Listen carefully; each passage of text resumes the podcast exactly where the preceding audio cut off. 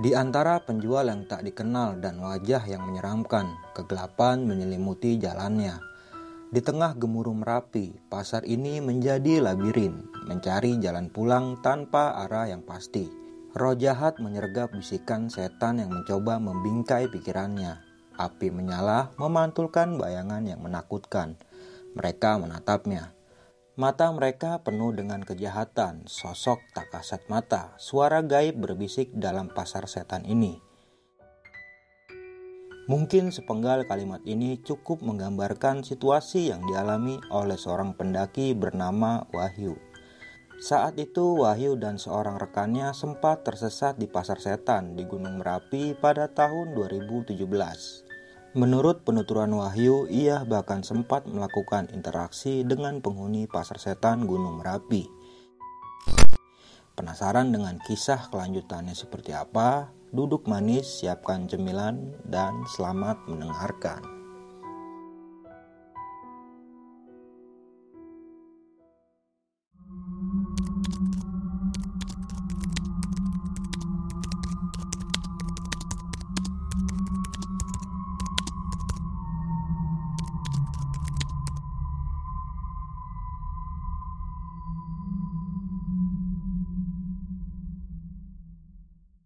Assalamualaikum warahmatullahi wabarakatuh. Balik lagi nih di besok pagi. Kali ini bareng gue Bang Mange.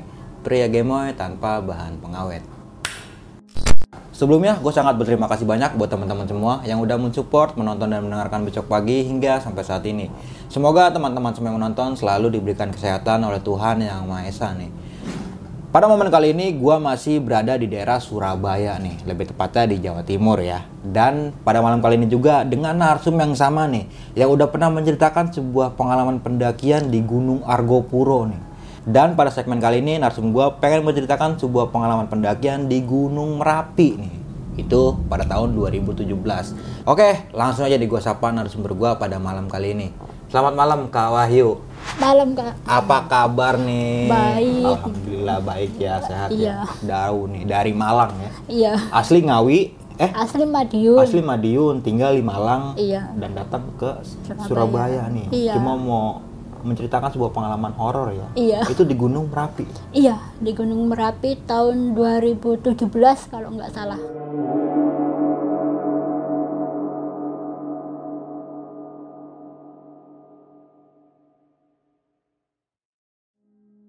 Sebelum kita masuk ke ceritanya nih, bagi teman-teman semua yang belum subscribe, silahkan di subscribe terlebih dahulu. Like, comment, and share. Jangan lupa nyalakan loncengnya agar teman-teman semua nggak ketinggalan video terbaru dari besok pagi. Dan bagi teman-teman semua yang mempunyai cerita mistis pendakian dan pengen berbagi sebuah pengalaman kalian di sini, kalian bisa langsung aja DM ke Instagram besok pagi yang ada di sini.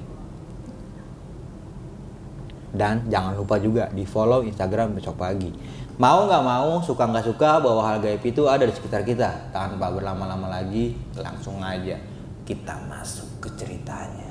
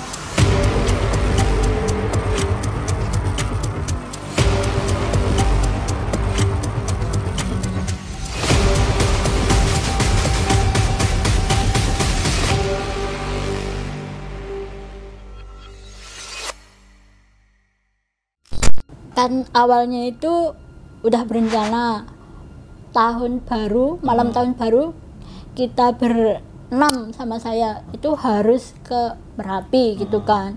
Itu udah sama teman-teman oke oke gitu. Tapi pas itu ngerencanainnya itu udah satu bulan pas hari H pada cek terus gugur gini Mm-mm. akhirnya awalnya aku nekat bang soalnya aku belum pernah kan ke Merapi aku mau berangkat sendiri dari Madiun. Terus temanku Mamat yang dari Surabaya sama Doang itu ngechat wah kamu jadi berangkat ah gitu. Jadi sama siapa? Sendiri loh. Hmm. yakin gak kamu sendiri? Ya yakin amat gitu. Akhirnya temenku doang itu nggak tega. Dia ngomong eh tunggu dulu. Jangan berangkat dulu. Aku ke Madiun. Sekarang kita berangkat bareng aku temenin gitu.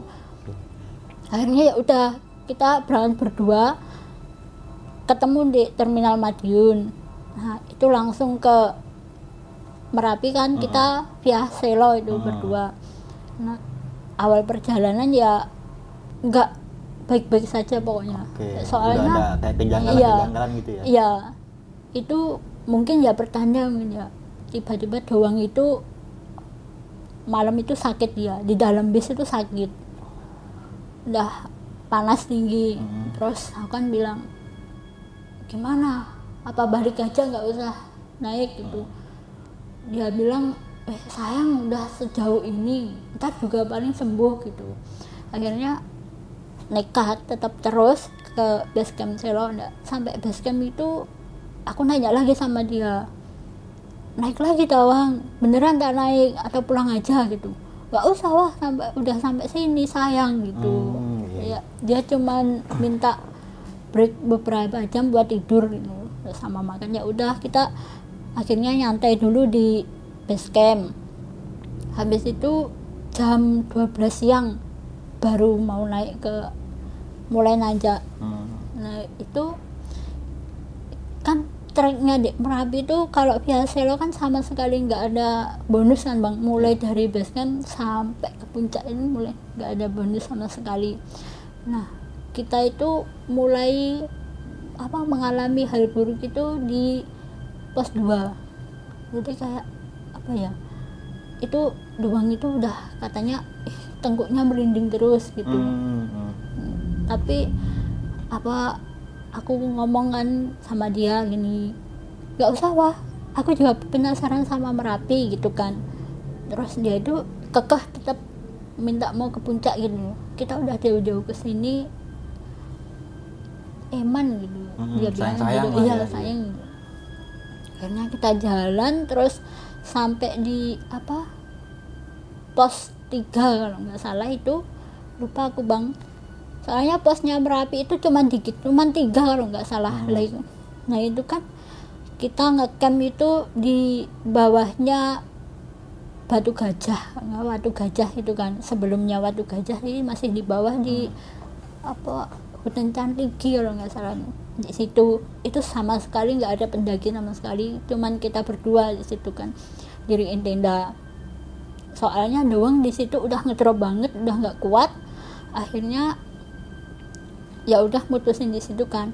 Nah pas sore itu mau maghrib lah aku buang air kecil di baliknya pohon-pohon tinggi itu kan. Itu mau duduk itu lihat kayak perempuan tapi rambutnya panjang gitu di antara pohon-pohon cantik yang pendek. Itu kan awalnya aku kira itu pendaki bang. Soalnya membelakangi aku kan gitu udah aku diem aja. Lah aku du apa duduk terus buang air kecil itu di atas batu tapi batu tumpuk tumpukan gitu. Iya. tumpukan batu ditumpuk tiga gitu kan. Itu air seniku tuh mengalir ke situ. Ya udah. Awalnya kan ya udah gitu. Ya nggak nggak kalau itu tempat yang keramat gitu kan. Iya. Oh, karena nggak tahu ya. iya ya udah habis itu udah pergi. Nah malam harinya itu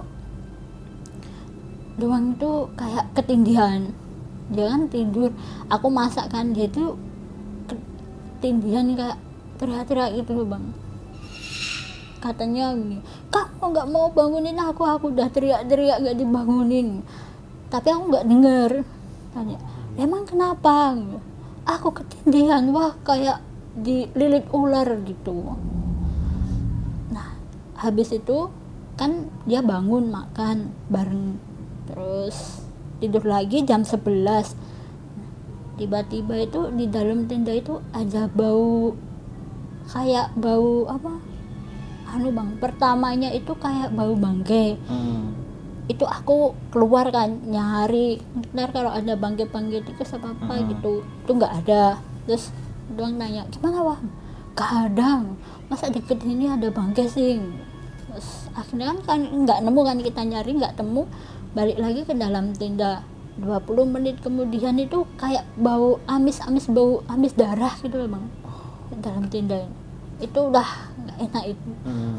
Nah, itu kita udah diem aja. Di tempat kita ngekam itu sama sekali nggak ada pendaki yang ngekam di situ nggak ada yang lewat juga. Jadi cuman bener-bener Cuma berdua, berdua iya. Terus jam 12 malam itu tenda itu kayak ada yang gebrak bro gitu. sampai dua kali.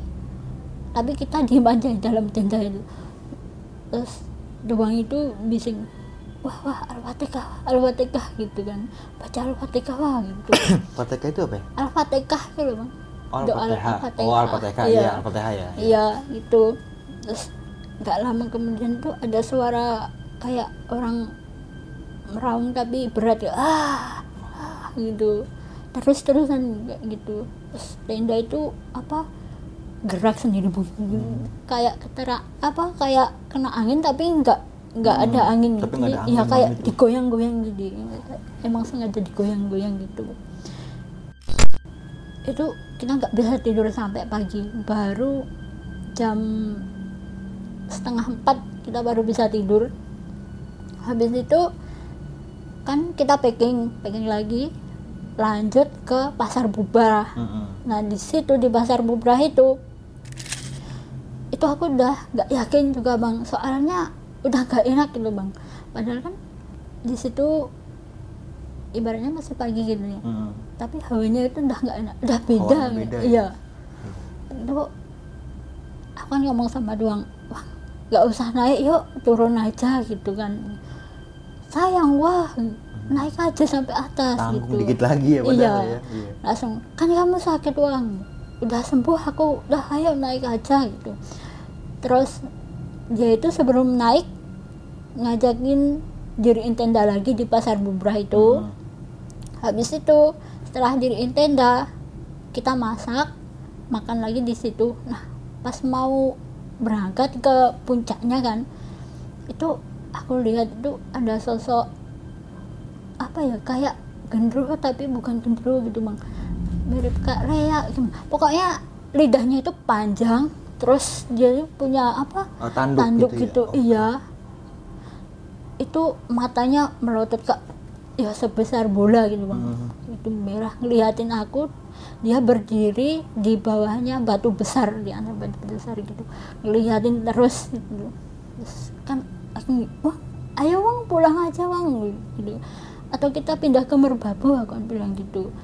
Enggak saya kalau sampai sini sampai puncak. Pokoknya harus foto di puncak gitu.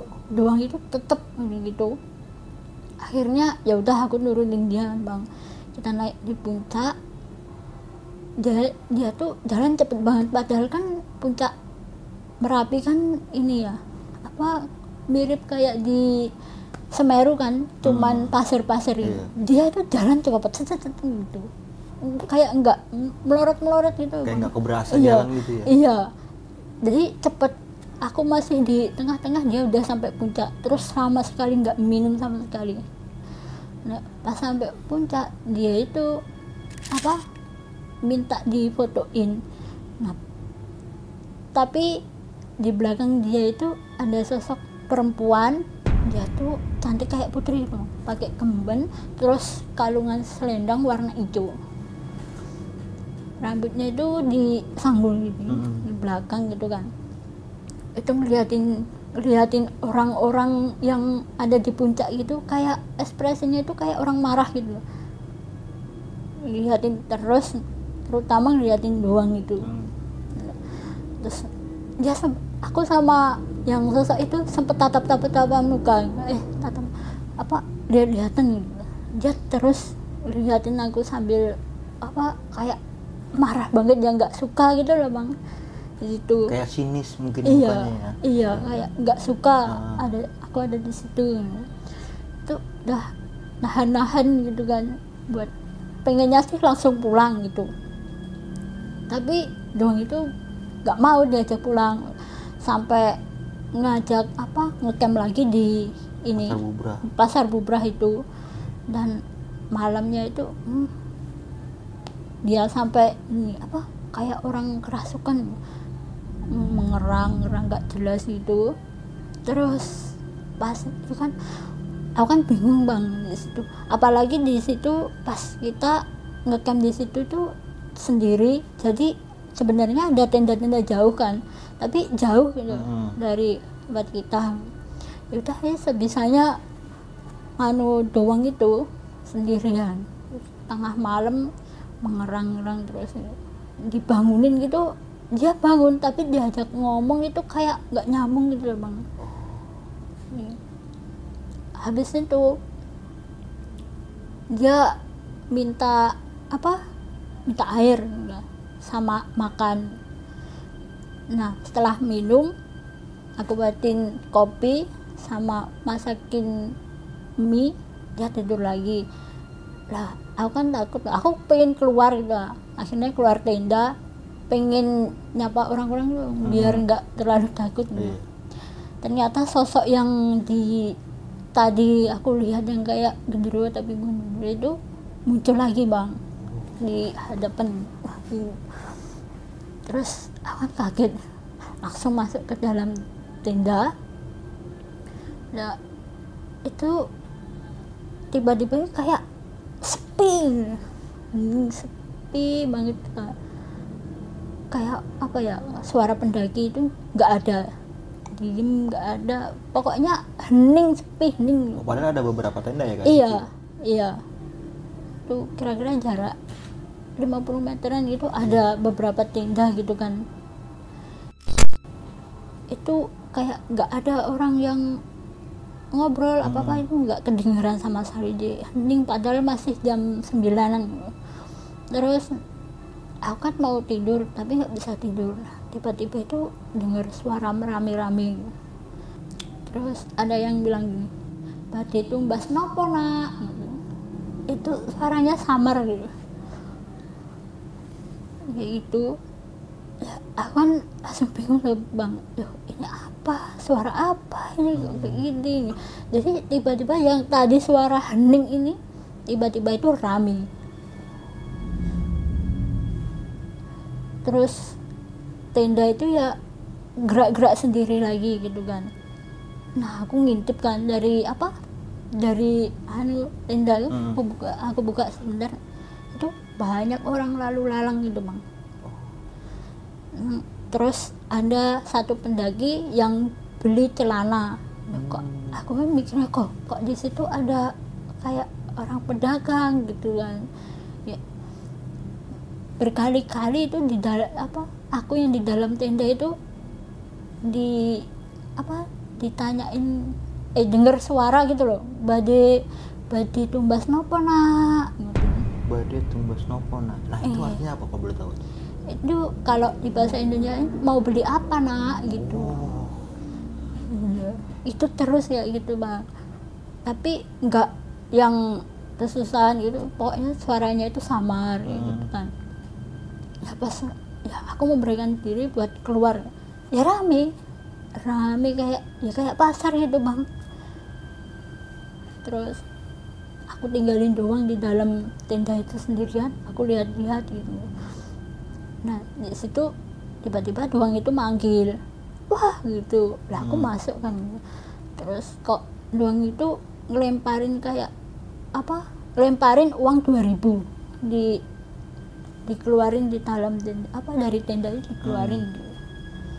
terus aku disuruh istighfar sama diajakin bersolawat sama dia. Nah itu sampai pagi itu nggak boleh tidur sama dia. Jadi kita bergadang sampai pagi.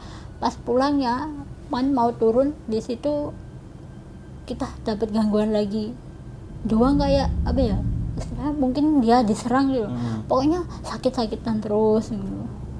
jadi habis beat langsung sakit lagi padahal kalau di Merapi itu kan paling jalan itu lima jaman udah bisa sampai base camp ya Hmm. itu kita sampai ngecamp lagi Oh berarti tiga kali buka tenda ya? iya pas turunnya itu juga buka tenda itu di apa kayak batu belah gitu bang Hmm. di itu pos 2 mungkin ya di situ soalnya doang itu udah lemes wajahnya pucat gitu. Nggak apa udah nggak mampu jalan lagi kan. Akhirnya kita buka tenda.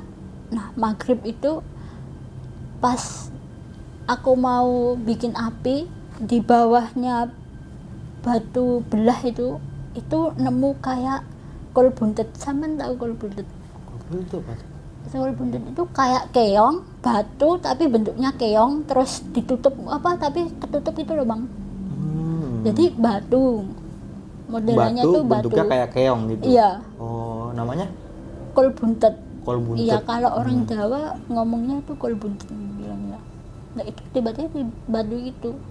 Terus kan nggak aku ambil.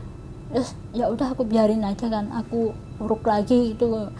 Soalnya kalau di apa kepercayaan orang Jawa itu tuh kayak apa ya bisa jadi itu pukusaka gitu loh bang. Oh, katanya sih iya. bisa bikin kebal. Hmm. katanya sih kayak gitu. Terus bisa jaga diri kita itu dari hal-hal buruk gitu kan. Tapi aku nggak mau ngambil. Aku tutupin aja itu kol buntutnya itu di situ. Terus aku balik lagi ke tenda. Nah jam 7 itu aku belat apa kepingin buang air kecil kan. Aku keluar tenda di situ ya sama lagi nggak ada pendaki lagi. Jadi cuman aku sama doang gitu di situ. Terus itu tiba-tiba itu kayak bau bunga kamboja. Aku nyium bau bunga kamboja kan. Terus kok tiba-tiba merinding. Habis itu nyium bau bunga kamboja. Terus ada suara orang ketawa gitu kan. Itu habis kencing habis buang air kecil aku langsung masuk ke tenda. Nggak lama itu ada suara cing cing cing cing cing. Awalnya itu dikira juga pendaki lain tapi ditungguin juga nggak sam apa nggak sampai sampai lewat-lewat iya nggak gitu ya? lewat lewat gitu. Nggak tahu sama doang. Suara apa? Wah nggak ngerti. Jadi kayak apa ya kayak lonceng yang cing cing cing cing jalan gitu. Kayak di loncengnya apa Kereta yang di, kencana. iya kayak yang di kuda-kuda itu. Iya, iya. itu lewat ini di situ. Nah yang lebih anehnya lagi pas aku mau tidur itu tiba- apa kok ada yang ganjel gitu Tiba- ternyata kol buntutnya itu udah ada di sakuku. Udah ada di saku celana. Terus akan ngomong sama eh ini apa sih? Sama doang itu disuruh bawa aja. Habis itu dia balik lagi. Sampai muntah-muntah kayak ya kayak ada serangan gitulah mungkin ya. Itu hari sakit lagi sampai muntah-muntah terus lemas. Tidur itu dia nggak bisa tenang. Bentar-bentar kebangun. Kalau nggak gitu ketindihan gitu. Terus gitu sampai pagi. Nah keesok hari kan harinya pas kita mau balik itu kita ketemu nenek-nenek di pos satu. Itu eh ya di pos satu itu kita ketemu nenek-nenek. Dia itu nanya gini niat kamu pergi ke gunung merapi itu mau mencari apa nak? Gitu kan. Nah sama temenku doang itu dibilang apa dijawab ya kita nyari seneng nek. Soalnya kita emang hobi mendaki kalau sampai di puncak ya ada kepuasan tersendiri gitu kan Dong, bilang gitu. Terus si doang ini tiba-tiba itu ditawarin sama neneknya itu masa kamu nggak pengen hidup makmur nak? Kamu nggak pengen hidupmu berubah? Masa kamu suka hidup kayak gini terus? Digituin. Itu tapi nenek-neneknya itu sama sekali nggak ngomong sama aku bang. Jadi yang dia itu fokus sama temenku doang itu. Terus aku kan nanya lah emangnya kenapa nek? Gitu gak dijawab si nenek ini malah balik nanya kamu ke sini na naik apa? Gitu sama doang. Terus doang itu jawab naik bis nek. Saya dari Surabaya. Teman saya ini dari Madiun. Terus uangnya ya dari kerja nek. Nanti kita kerja gajinya buat Naik naik, gunung gunung, gitu ya. gitu. Terus dia bilang sampai kapan kamu mau hidup kayak gitu terus? Kamu nggak pengen tak hidup kamu itu lebih baik lagi gitu. Terus tuang itu ngomong maksudnya apa ya nek neneknya itu jawab kalau kamu mau merubah hidupmu jadi lebih baik ayo ikut aku aku tunjuki tempatnya. Tapi temenmu yang perempuan itu nggak usah ikut gitu. Digituin loh memangnya kenapa naik kan doang gitu? Ya pokoknya nggak usah ikut aku nggak suka. Aku sukanya sama kamu gitu. Nah dari situ untungnya untung aja doang itu ngeh. Langsung enggak mek terima kasih. Saya dari rezeki yang halal-halal aja. Habis itu dimaki-maki doang dimarahin dimaki-maki sampai dibodoh-bodohin gitu. Hmm. terus tapi apa nggak digubris dulu sama doang langsung dia di aku diajak ya, gitu ya. diajak jalan gitu oh, mungkin itu orang gila gitu. Hmm. terus diajak jalan nah sampainya di base camp itu ketemu lagi sama kakek-kakek yang satu kakek-kakek gitu terus ditanya tiba-tiba dia tuh jawab untung awakmu bisa mulai gitu dia ngomong kayak untung kamu bisa balik nah gitu kan. Nah kan karena kita nggak kayak nggak pernah ngobrol sama kakek itu kan terus kok tiba-tiba ngomong kayak gitu jadi lah emangnya kenapa kamu itu udah bikin apa mengusik anu apa ya? Makhluk sekitar gitu ya? Iya penghuni situ gitu loh katanya. Terus loh memangnya kenapa kayak digituin. Nah kakek itu bilang kamu dok kencing itu jangan sembarangan. Yang kamu kencingin itu rumahnya siluman ular gitu dia bilang. Terus di situ oh, baru nggak oh mungkin itu karena apa? Hmm, doang juga iya mimpi sampai di ketindian katanya dililit ular ular gitu gitu, iya itu dibilang gitu. Terus satu lagi katanya kamu itu nggak disukai di sini gara-gara kamu itu berulah. Dia begitu untung aja kamu itu punya kakek yang jaga kamu. Kakeknya itu ngomong kayak gitu. Hmm. langsung kan lah emang kenapa kayak gitu bang kayak gitu kan kamu untung aja di pasar bubrah itu bisa balik kamu. Gitu tapi kakeknya itu kayak nggak jelas gitu bang. Kalau kita nanya apa gitu nggak langsung dijawab. Hmm, jadi tuh kayak cuman marahin kita nggak boleh di sini di sini. Hmm. terus pas kan aku nyoba nanya lah lah perempuan yang di puncak itu siapa? Kayak kakek tahu tang. Dia bilang salah satu penguasa di situ gitu. itu sampai pulang itu juga sampai rumah itu doang itu juga masih sakit tiba-tiba maaf ya bang ininya itu apa gede gitu loh bang kayak Bengkak bengkak gitu. gitu iya terus dia harus balik lagi ke sana minta maaf sama disuruh bawa apa air kelapa Hmm. yang kelapa kuning itu sama bunga. Itu baru bisa sembuh. Oh berarti si doang ini balik lagi ke Merapi. iya. Oh, oke. itu dia taunya itu pas di apa? Kan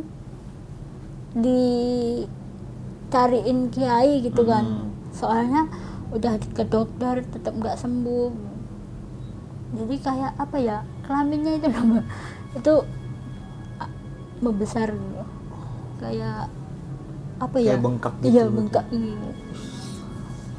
Oh, jangan kencing sembarangan tuh. gitu Iya, katanya aslinya kan yang dianu aku, Ah. tapi karena ada yang jaga, jadinya yang kena doang, temanku doang itu. Oh, tadi kan sempet kakek, kakek juga Iya. ngomong ya. Untung kamu ada yang Iya. jaga gitu. Iya, Ah, iya iya. Sebelum lanjut ke cerita, untuk kalian yang ingin menjadi narasumber di besok pagi dan mempunyai cerita horor dalam pendakian, kalian bisa kirim cerita kalian ke Instagram official besokpagi.idv atau melalui email besokpagi.ch@gmail.com. Oke nih Kawayu akhirnya ah, Kawayu dan Doang namanya Doang Iya, asli. iya dong. Nama Doang itu Itu nama julukan dari oh teman-teman. nama-nama gitu. rimbanya Iya, ya mungkin ya. Iya. Namanya Doang. Iya. Doang. akhirnya bisa kembali lagi ke rumah dengan selamat. ya. Iya. Walaupun ah, Doang ini kembali lagi ke Merapi, tapi tetap sempat Iya. ikut nggak ke Merapi buat nganterin itu. Enggak, enggak dibolehin sama dia. Oh. Enggak, kamu enggak usah ikut gitu. Oke. Nah kalau boleh tahu nih si Doang ini, Mas Doang ini kan Iya. setelah turun dari Merapi itu kan sempat bengkak gitunya, gede Iya, ya. Itu iya. berapa bulan atau berapa minggu itu?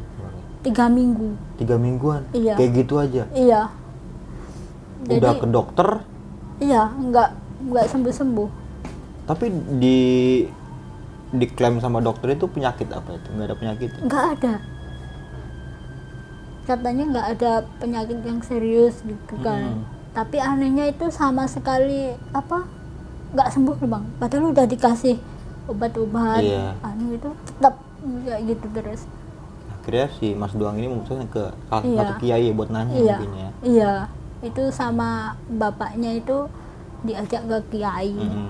Terus dibilang kayak gitu. Tapi sempat mau ikut juga tuh ke Wahyu sana lagi. Iya, pengen ikut gitu kan nemenin lagi, tapi nggak dibolehin. Nah, akhirnya Mas Doang itu berangkat sendiri buat Iya. meletakkan tadi apa? Eh, kelapa sama Iya, sama bunga tujuh sama rupa. bunga tujuh rupa. Iya, Nah, setelah itu sembuh tuh. sembuh. Oke. Jadi apa berangsur-angsur membaik gitu bang, Hmm. habis dari sana. Berangsur-angsur membaik, membaik, membaik dan akhirnya sembuh ya gitu. Iya. ya. Oke, ini kan pendakian di tahun 2017 nih kan. Iya. Dari berapa? Dari tujuh orang ya, termasuk kakak. Iya. Berarti enam orang. enam orang termasuk saya. Oke, yang berhasil naik cuma berdua. Iya, yang dua lainnya malah ke Merbabu. Oh. Jadi mereka itu salah info kak. Soalnya kan awalnya kan saya udah rencana habis dari Mer- Merapi langsung ke Merbabu Hmm. gitu kan. Nah temanku yang namanya Mamat sama Mas Cukis itu nyusulinya malah ke Merbabu, Merbabu. dulu. Oh, iya. seharusnya merapi Iya. dulu baru merbabu Iya, gitu ya. Iya. Oh, terbalik berarti ya? Iya. Salah info.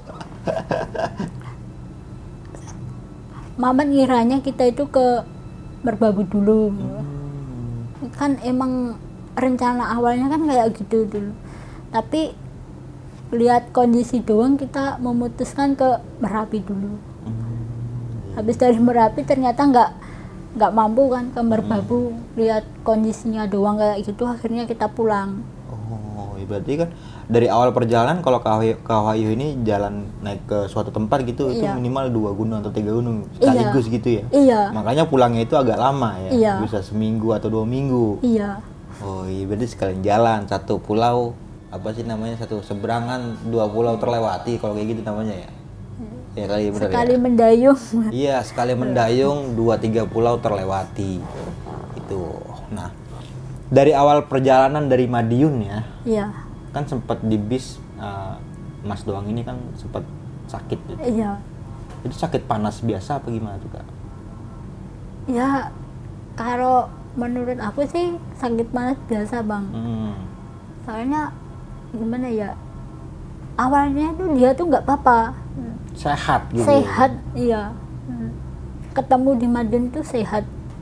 Terus nyampe Semarang kalau nggak salah dia tuh ngedrop mulai ngedrop. Dan akhirnya sampai base camp tetap ngedrop iya, ya. Iya, tetap ngedrop. Berarti kan total pendakian di Gunung Merapi itu walaupun agak memaksain ya, Iya. menurut gue itu totalnya tiga malam ya. Iya. Sempat tiga buka tiga kali buat tenda ya. Iya. Di pos 2 Eh, yang malam pertama itu di pos berapa? Di yang pertama itu di bawahnya Watu Gajah itu Hmm. bisa dibilang pos 2. Iya. Terus yang kedua di Pasar Bubra. Iya. Nah turun lagi tuh di pos 2 lagi ya berarti. Iya. ya? Iya. Oke, itu kan karena emang si Doang ini nggak kuat ini ya. Iya, Udah eh, drop turun banget. itu ya. di pos satu kayaknya. Oh turun itu di pos 1 kayaknya. Iya, iya, Padahal sedikit lagi sampai dong itu. ya? iya, Tapi kok nih kak, kuat Gunung Merapi itu treknya gimana sih kak? treknya itu nanjak terus bang Oke. jadi mulai dari base camp sampai ke puncak itu nggak ada bonus sama sekali Trek terus. iya Itu via selo ya? iya biasa loh Nah di tahun 2017 itu nah, Gunung Merapi itu masih resmi nggak sih dibuat masih pendakian itu? iya masih sebelum erupsi itu Mm-mm. tapi puncak Raja Walinya udah nggak ada Oh iya. Iya. iya. kan pernah erupsi yang dulu itu 2012 kalau nggak Iya, ya. iya. Yang besar banget itu kan. kan. iya Dan Itu. dari pihak Basecamp juga dari pihak Purtaninya simaksinya cuma sampai Pasar Bubrah aja ya. iya jadi Apa? kalau naik sampai ke puncaknya ya Itu? itu ditanggung sendiri Iya, resiko tanggung resikonya. sendiri ya. iya Kalau misalkan sampai Pasar Bubrah ke bawah itu masih tanggung sama Iya. pihak ini ya. Iya. Klaim asuransi lah ya itu Iya. ya.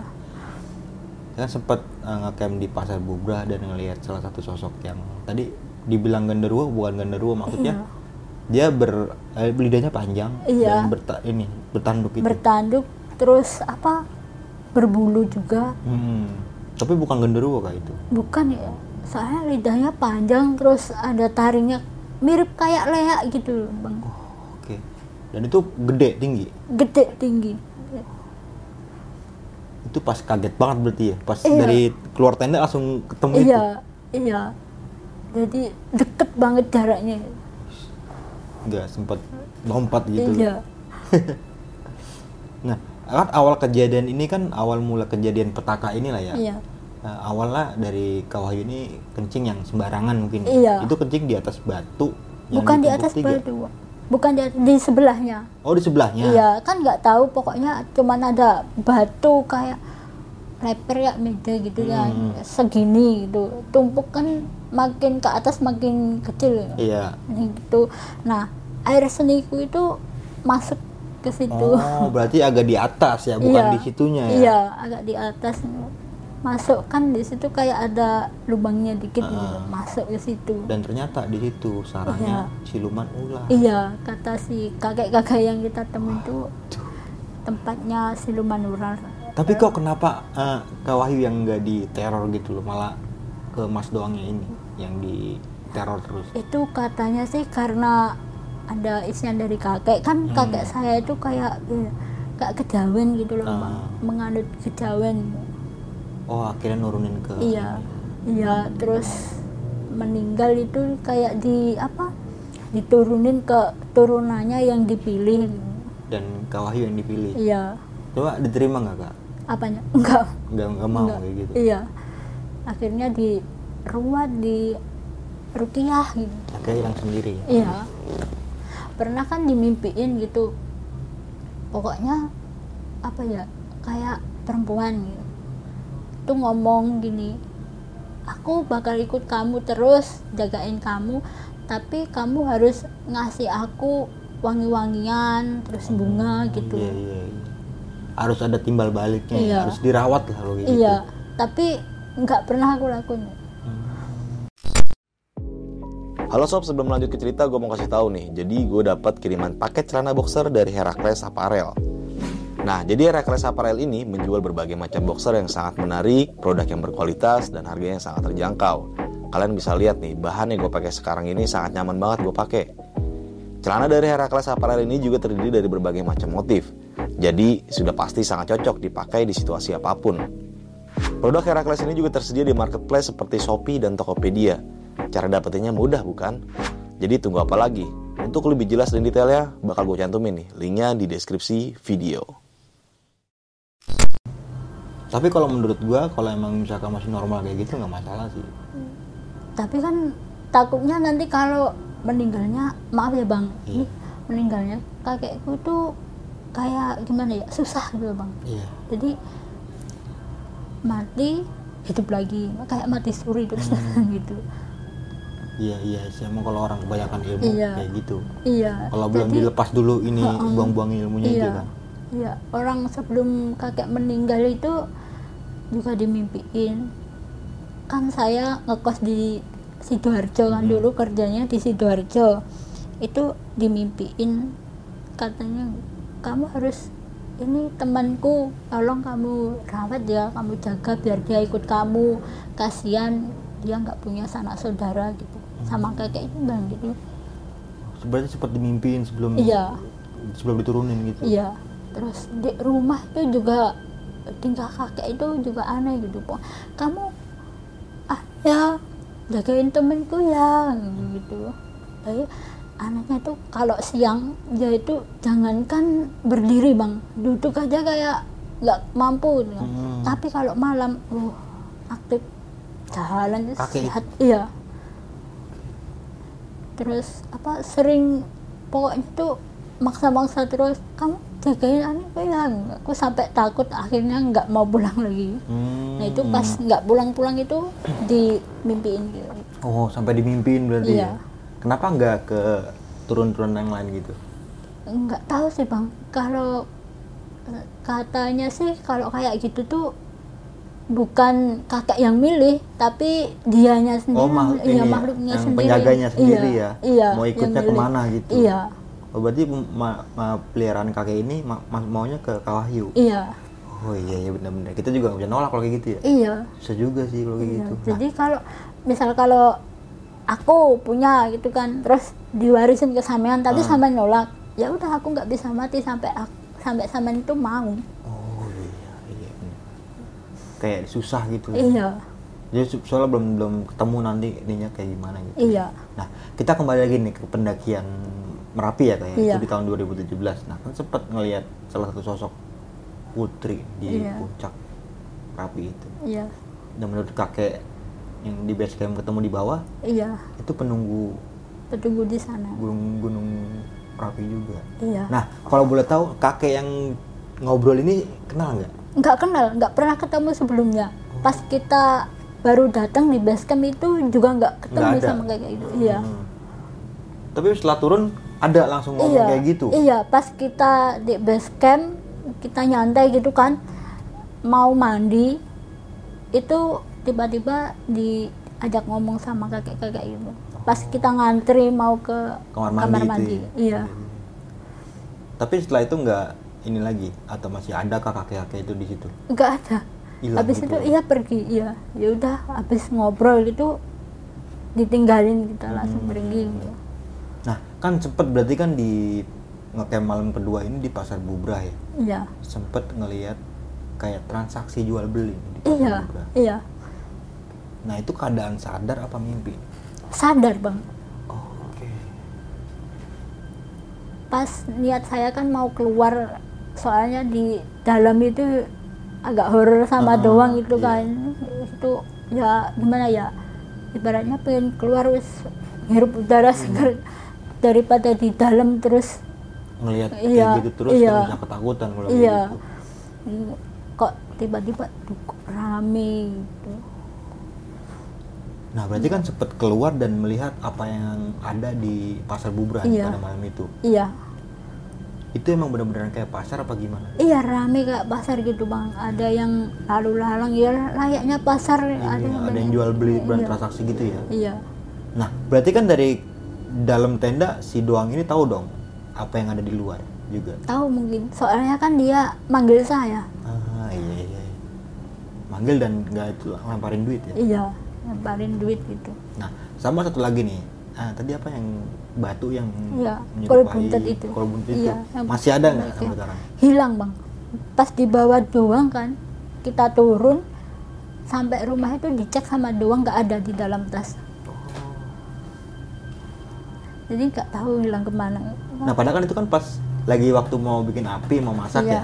iya. Itu kan disingkirin, dipendam Iya. lagi. Nah, pas masuk ke dalam tenda ada di celana. iya tiba-tiba di dalam ini di dalam saku celana Ah, iya Kalau tidur pasti keganjel dong, Iya. berasa gitu kan. Iya. Nah, ternyata pas dibuka itu ya. iya Apa tadi namanya? Kol buntut. kol buntet Kol buntut. Iya. Nah, menurut tradisi orang Jawa itu kayak semacam muapak mungkin ya. iya jadi kayak apa ya jimat gitu Ah, iya. Iya. Jimat bisa penangkal segala macam penyakit Iya. mungkin gitu ya dari iya orang jahat gitu. iya katanya bisa bikin kita kebal Ah. itu ada yang bilang kayak gitu terus ada yang bilang bisa bikin kita itu apa rezeki lancar oh, gitu pelaris iya. gitu ya iya Ah. Katanya sih gitu pokoknya tapi ah, ya itu enggak. ya bermacam-macam Iya. manfaatnya mungkin Iya. ya, menurut tradisi orang Jawa gitu Iya. nah sama nenek-nenek yang ditemuin yang sempat ngebuang muka ketika Hmm. diajak ngomong sama Kak Wahyu nih kenal nggak nenek itu siapa enggak kenal maksud dan tujuannya itu apa ngerti nggak nggak ngerti tapi kalau menurut doang sih dia itu ngajak doang itu buat pesugihan. Oh. Itu menurut asumsinya doang iya. kan karena dari kita- cara bicara iya, juga. Iya sih kayaknya. Iya.